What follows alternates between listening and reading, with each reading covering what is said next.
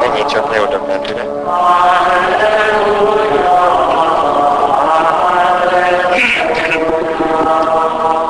Az Úr legyen veletek.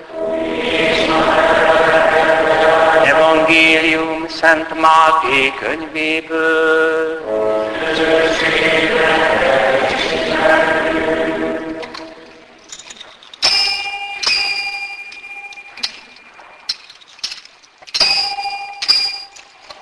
Abban az időben, midőn Jánost elfogták, Jézus Galileába ment, és hirdette Isten evangéliumát. Betelt az idő, közel van Isten országa. Térjetek meg, higgyetek az evangéliumban. Amikor a galileai tó partján járt, látva, hogy Simon és testvér András, akik halászok voltak, éppen hálót vetnek a tengerbe. Jézus megszólította őket. Jöjjetek velem, és én emberek halászaivá teszlek titeket. Azok rögtön otthagyták a hálókat, és nyomába szegődtek. Mikor kissé tovább ment, meglátta Jakabot, Zebedeus fiát és testvérét Jánost, amint a hálókat javítgatták a bárkában. Őket is mindjárt meghívta. Erre ott hagyták apjukat Zebedeust, a napszámosokkal együtt, és követték őt. Ezek az evangélium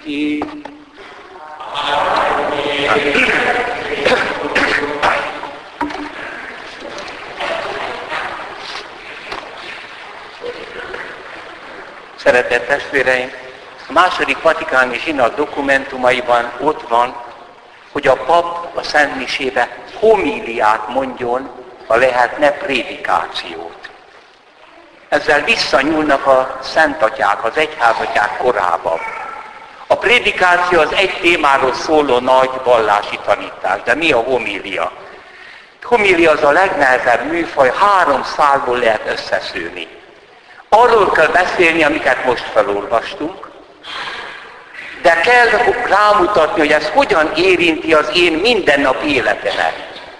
Hogy kimegyek a templomból végig, a szenvedés, az örömet, mindent. És harmadszor mindezt úgy, hogy a szent misztériumok, a kenyér és a bor átváltoztatásának, a szent misének az erőterébe történik. Hát nem könnyű. Ezért van testvérek, hogy az ősi szent misében minden hónapban legalább egyszer a régi latin misét végzem, amikor a pap indul prédikálni, főleg, hogyha régen is prédikációt mondtak inkább, akkor vagy a mise után végezték a prédikációt, homiliát azt a misébe kell, vagy pedig letette a miseruát az oltárra, vagy legalább a manipulust, ilyen kis vászonkendő, mert kilép a miséből. A homiliával nem lép ki a miséből. Nem egy témáról szól, hanem rá kell mutatni, hogy ez itt most megvalósul. Ezért van az, hogy erről a helyről misében csak fölszentelt püspök, fölszentelt pap és diákonus beszélhet. Más nincs. Ez most is így van, csak nem tartják be. Miért? Mert a püspök és a pap változtatja át a kenyeret és a bor. És a diákonus osztja ki. Tehát az ő feladatuk az, hogy az igét úgy mutassák be, mint, egy, mint ami az eukarisztiára vonatkozik, ugyanakkor az emberek életére. Vegyük, kedves testvéreim, most az evangélium hangzó igéjét. Jöjjetek velem, mondja Jézus. Azok rögtön ott hagyták hálóikat, és nyomába szegődtek. Persze ezzel a történetük nem fejeződött be. Ez pünkösdig tartó történet. De most Jézus elhívta őket a munkájukból, a családjukból, mindent ott kellett hagyni, és három éven keresztül nyomába léptek, azt mondja a görög. Tehát előment Jézus, és libasorba a tanítványok, így illett.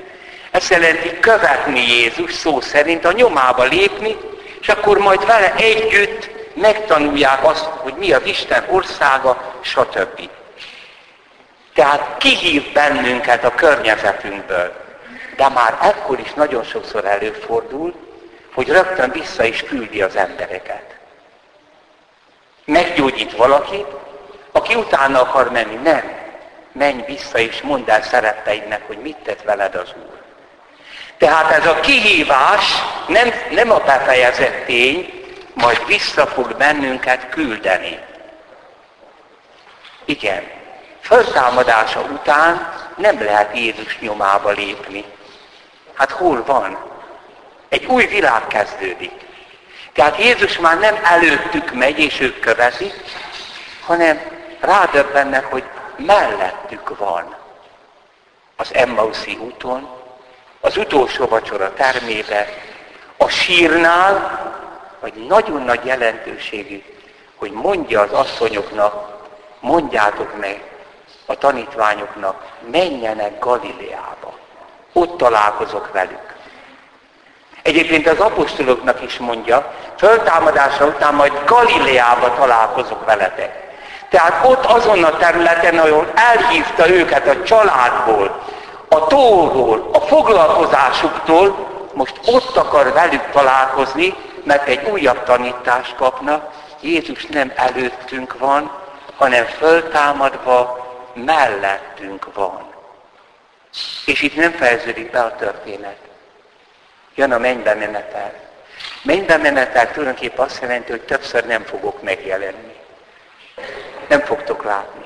De várjátok a szent lelket. Elküldöm őt, de én is ismét eljövök. A Szentélek hoz engem el csodálatos módon. És pünköskor megértik, amit Istenem mennyi katolikus nem ért, vagy keresztény, hogy Krisztus bennem akar élni. A keresztség és az oltári szentség által. Ez az, amit megértenek pünköskor. Kívülről jön belénk. Tehát a lelk, a kereszténység az nem egy nagy elmélkedés, nem egyfajta belsőséges felfedezése annak, hogy az én belső világom együtt van Istennel, nem. Kívülről belém jön a föltámadott Krisztus. És ott lesz velem, ahol azt mondom, hogy én. Hol van az? Nem tudom megmondani, de ha valami van, akkor az én az van. És ott akar velem lenni, ahol senki se tud velem lenni. Most éltették meg azt, amit az utolsó vacsorán mond, aki szeret engem, atyám is szeretni fogja, hozzá megyünk, és benne fogunk lakni. Benne fogunk lakni. Testvérek, erre a színvonalra nem jutunk el. A keresztény hitünk minden tesztbe ki van téve annak, hogy összeomoljon. Elég csak azt megtudni, hogy mondjuk halálos beteg vagyok. Bennem él a föltámadott. A Szentlélek majd elvezet hiteket minden igazságra. Tehát már nem előttük van, nem kihívja őket a világból, hogy, hogy őt kövessék, már nem csak mellettük van, hanem bennük. Ezért visszaviszi őket az eredetükhöz, a családhoz, a hálókhoz, a galileai tengeren, mert bennetek vagyok. Tehát a felolvasott ige és a megtestesült ige Jézus ugyanaz. A Szentírás olvasás és a predikáció hallgatásával is történik már valami olyan, mint az áldozásba. Mert azt mondja Jézus, hogy jó maga az Isten igéje. Tehát nem fogalomalkotás kell a predikációhoz, hanem egyfajta fogantatás, hogy bennem élhetsz, Uram. Ez teljesedik be majd titokzatosan az áldozásban. Igen, testvérek, a Szent Misében megvalósul ez. Milyen csodálatos szól a harang, és ott hagysz minden. Valahol ez azt jelenti, amit az apostolokkal tett, hogy kövess engem és indulnak. Tehát azért a kereszténységben Az, hogy szól a harang és mindent leteszek, azért az lényeges mozzanat. Különösen erre épül a szerzetes élet. Csengetnek reggel, a már a délbe, este, hajnalba, és akkor nem szabadna késni. Azt mondtam a noviciusoknak, hogy az a rossz szerzetes, aki mondjuk a kódexeket írta. Egy A betűt akar írni, de megszólalt a csengő, abba hagyja, egy C betű lesz belőle. Mert Isten hív. Nagyon nagy esemény az, belülről is cseng az a harang, hogy elindulok, mindent ott hagyok. Aki nem tudja ott hagyni, nagy baj van. Még a drága vendégeket is bele kell avatni ebbe. Gyerekek, most magatokra adjuk, ha nem jöttek, megyek. Ott hagyom. Ha nem jön a férj vagy feleség, akkor itt maradsz. Ha nem jön a nagy fiat, nem ér. Nekem mennem kell. Mert egyszer az utolsó napon hív. És akkor, ha nem mész, akkor hova zuhansz? Isten hív, tehát kilépek az életemnek a szövetéből. Ugyanakkor a Szent Misében, már az olvasmányokban, az ige hirdetésben Jézus mellettünk lesz. Hát nem azt mondja, hogy ketten-hárma összejöttök az én nevembe, ott vagyok én is. Ezek a pillanatok, amiket most megélünk. Aki titeket hallgat, mondja Jézus, engem hallgat, mondja az apostoloknak. Tehát itt van velünk, mellettünk. De a szent áldozásban hozzánk jön, és bennünk lakozik. Itt zárul a történet. Pontosabban itt kezdődik a keresztény élet, majd mindjárt ki is fejtem. Ez azt jelenti, hogy Isten velem akar lenni most, nem csak az áldozás pillanatában, hanem ami most kezdődik végig, mindenben. Ezért fogjuk most megérteni, amit Szent Pál mond, akinek felesége van, éljen úgy, mintha nem volna, aki vásárol, mintha meg se tartana, aki használja a világ dolgait, mintha nem élne vele. Érdekes. Hát igen, vannak jelszerű meghívások, a szerzetesi, a szüzességre való hívás, de az egyház ezeket a sorokat sohasem értelmezte úgy, figyelj, mindig az egyház értelmezi az írásokat, hogy akinek felesége van, mintha nem lenne, az azt jelenti, nem azt jelenti, hogy ne éljen vele együtt. Sőt, jobban együtt éljen vele, mint a pogányok. De Istenben. Soha sem mondta azt, hogy hagyjátok abba a nemi életet, ami abszolút szentség a házasságban. Mert ember született a világra. De mintha aztán sohasem mondta azt, hogy ha vásárolunk valamit a piacon, azonnal dobjuk el. Azt sem mondta, hogy a világból vonuljunk ki, hanem azt mondta az Úr és az utolsó vacsorán, nem azt kérem, atyám, hogy vedd ki őket a világból, hanem őrizd meg őket a gonosztól. Tehát megkaptuk az értelmét ennek. A házasok mélyebben végtelenül mélyebb szinten vannak együtt Istennel, mint egymással. Sőt, ha egymással úgy akarnak együtt lenni a másikkal, hogy ő az Isten, akkor a szétmegy az a kapcsolat. Ugyanakkor rádöbbennek, hogy a kettőjük közötti szeretet forrása maga az Isten. Tehát amikor ez, hát, ez, ez a kudarcunk. Hát azt szabadna csak meg, megesketni, aki idáig eljön. Hogy mindene az Isten. Többit nem szabadna.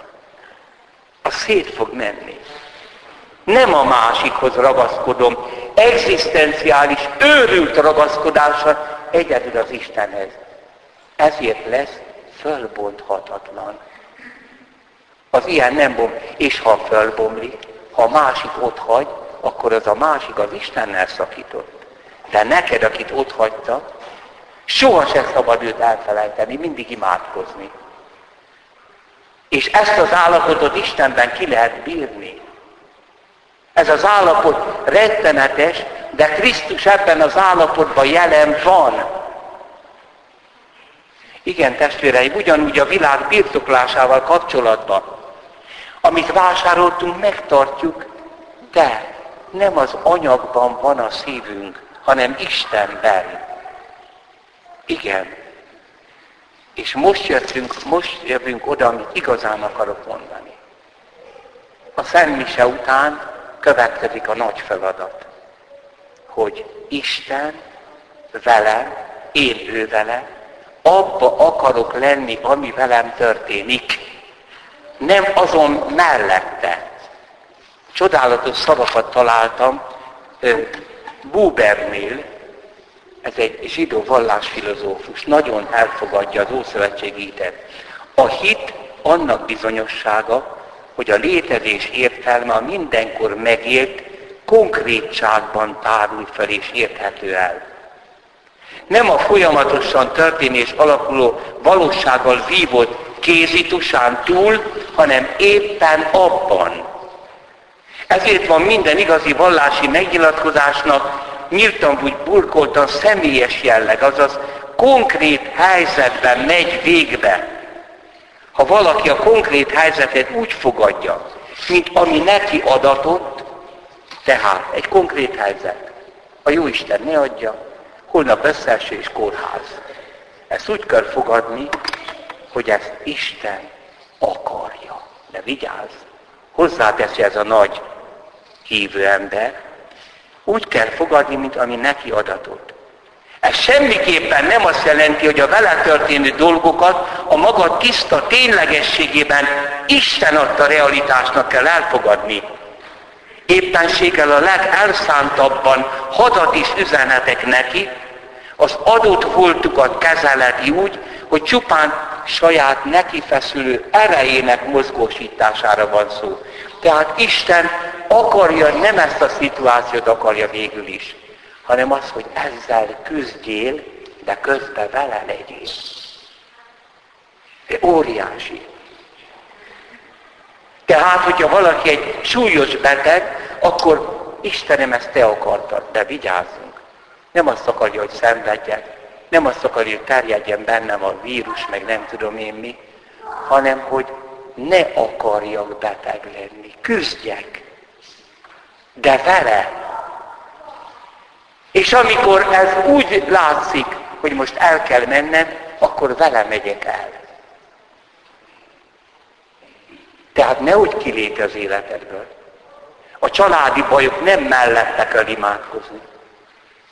A gazdasági problémái a családnak, az abban kell Istennel lenni. Ha téged megrágalmaznak, megvernek, akkor Jézust rágalmazták meg és verték meg. Vele kell átélni. Ha konkrét szituáció, konkrét mi voltából, konkrét történéséből semmiképpen nem fogja függetleníteni magát a hívő, hanem éppen a küzdelem formájában lép Istenhez és bocsátkozik bele a küzdelembe. Munkaterepe vagy csatatér, azt a helyet fogadja el, ahova állítottak. És hát itt mutatkozik ez, hogy testvérek, azt mondja Szent Pál, akár esztek, akár isztok. Mindig. Ez vallásos cselekedet. Éppen a misének a lényeg az, hogy ami nem mise, ami abszolút profán, bocsánat, egy láz, az, hogy összeesti. Az, hogy fölrobban, nem tudom, hogy a kazán is most telepítettek benne. Testvérek, ezekben vagyok együtt az Istennel. Mert Isten Jézus Krisztusban velünk lett.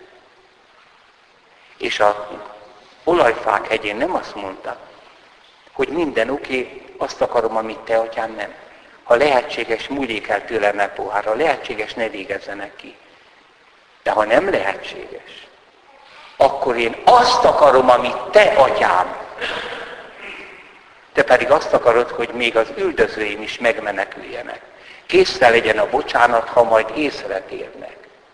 Ez a keresztény létnek a legmélye. És ugyanez a filozófus rámutat az emberi lét kettős struktúrájára, szerkezetére. Arra, hogy tulajdonképpen, amikor azt mondjuk, hogy létezik az Isten, meg beszélünk az Istenről, ez veszélyes is lehet, mert úgy beszélünk róla, hogy Isten az. Ez nem vallás. Az, hogy valaki beszél az Isten, tudja, hogy van. Ez nem vallás. Az a vallás, amikor azt mondom, Istenem, te. És az egyház a teológián sokat beszél Istenről, de a misében mondja azt, hogy Istenem, te. És ez a nagy filozófus két helyzetet egy, egy képpel ezt megérteti velünk. Amikor a kisgyerek az anyuka szemébe néz, akkor én te kapcsolatban van. Ha játszik, elmegy az anyja, és látja. Akkor az anyját úgy látja, hogy az. De mert egy kutya is az leesett valami eléje, az. Érted? A vallásnak semmi köze lényegében ahhoz, hogy van-e Isten, nincs-e Isten. Ez filozófiai kérdés. Ezzel foglalkozni kell. Alapjába véve az, hogy az én helyzetemben megszólítom.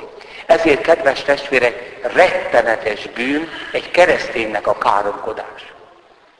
Amikor ütközök, valami puff, odavágnak nekem, pont akkor kell azt mondani, Istenem, most is veled akarom ezt megélni. Óriási. Sajnos az első olvasmányban kihagyták a lényeget. Azt, hogy Isten elküldi Jónást Ninivébe, és Jónás elindul az ellenkező irányba, nem engedelmeskedik. Miért? Mert ő tudja az, hogy Isten soha az életben nem küldött profétát a pogányokhoz. Ez abszurdum. Hát a pogány az nem érti azt, amit a zsidó nép már ért. Az csak pünkösd után lesz, hogy menjetek az egész világra. Tehát Jónás azt mondja, hogy hát hiába az Úr mondta, ezt, ezt nem tudom elfogadni. Ebben a helyzetben hátat fordítok neki. Ezért kerül be, ez egy nem, nem történet, hanem egy nagy elbeszélés a profécia sorsáról. Ezért bekapja őt a cethal, lenyeli, majd kiköpi Ninivébe. És akkor itt meghirdeti a bűnbánatot, és azok megtérnek. És akkor ő dúszlog. Mert hát a pogányokhoz küldeni. Mit kellett volna tennie?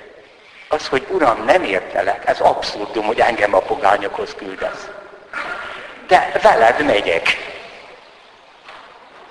Majd meglátjuk. Nem. Nem fogadja el.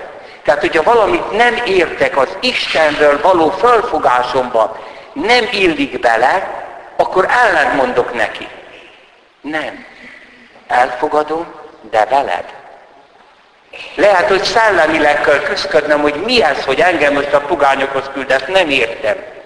Testvérek, még Jézus is azt mondta, csak Izrael elveszett fiaihoz van küldetésem, nem a pogányokhoz. Magyarokhoz, stb. nincs küldetésem. Amíg a kereszten meg nem halt minden emberért, és kiárasztotta a szent lelket mindazokba, akik hisznek benne. Ez pünkösd. Ezért mondva, mennybe menetek, most menjetek mindenhova. Tehát az Ószövetséget nem lehet megérteni pünkösdig, a Szent Miséig. Az apostolok pünkösdig nem mertek misézni, hát nem értették, nem volt kenyértörés. Most értik meg, hogy a föltámadott nem itt meg ott meg akarja mutatni magát, hanem az ő dicsőséges testével velem akar lenni. Oda száll be az edésnek, a folyamatába jelzi, nem a gyomromba jön, hanem oda, ahol én vagyok, hogy vele, velem legyen. Már nem előttem van, akit követek, nem csak kiszólít abból, amit eddig tettem, nem csak mellettem van az élet nehézségeiben, hanem velem van. Ez a Szent Mise. És a Szent Misének a lényege az, hogy oda küld, ami nem mise. A profánba, a közönségesbe, az unalmasba, az undorítóba, vagy a mindennapok örömébe. Amen. Hiszek az egy Istenben, minden atyában, mennynek és földnek, minden láthatónak és láthatatlannak teremtőjében. Hiszek az egy Úrban, Jézus Krisztusban, Isten